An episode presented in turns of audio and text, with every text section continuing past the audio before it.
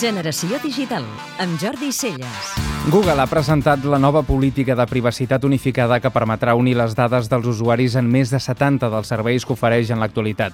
Fins ara, els usuaris acceptaven un document sobre el permís d'utilització de les seves dades personals per cadascun dels serveis com Gmail, Gtalk, Google Plus o Picasa.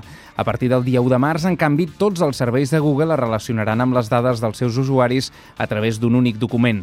Evidentment, quedaran fora d'aquesta política unificada els serveis que no requereixen donar-se d'alta per poder ser utilitzats, com el cercador, el Google Books o YouTube. Tampoc afectarà l'activació dels telèfons Android. La polèmica ha estat especialment rellevant perquè els serveis de Google són dels més utilitzats a la xarxa i han encadenat durant els darrers anys certes crisis importants respecte a la protecció de dades dels seus usuaris. Alma Witten és la directora de privacitat de Google i va ser fitxada just després de la crisi sobre aquest tema generada pels problemes amb el fracassat Google Bass ara fa dos anys.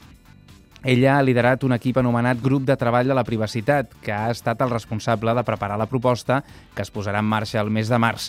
Aquest grup està format per experts en bases de dades, privacitat, geolocalització i publicitat. Segons l'equip que ha desenvolupat el nou contracte, aquest servirà per poder oferir millors serveis i més personalitzats a l'usuari. A la pràctica, gràcies a aquest únic contracte, Google podrà integrar tota la informació personal i creuar-la per aprendre més de tots els seus usuaris. Sigui com sigui, aquest és un pas natural, ja que Google ha adquirit o comprat molts serveis al llarg dels anys en una política expansiva i atomitzada que, especialment amb l'aparició de Google ha començat a convergir en un únic punt.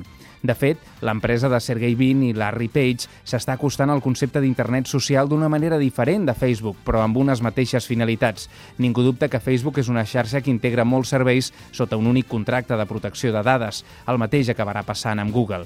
I és que res és gratuït. En un món cada vegada més competitiu, els costos poden ajustar-se, però és impossible regalar productes o serveis sense caminar-se cap a una fallida empresarial. L'error segurament ha estat interpretar que els serveis de Google que ofereix són gratuïts. En realitat, els usuaris paguen els serveis que ofereix en forma d'exposició publicitària.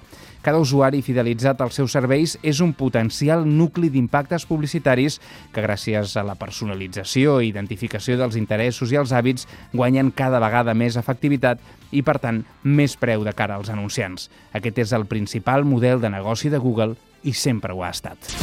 Podeu escoltar Generació Digital cada dissabte de 4 a 6 de la tarda a Catalunya Ràdio.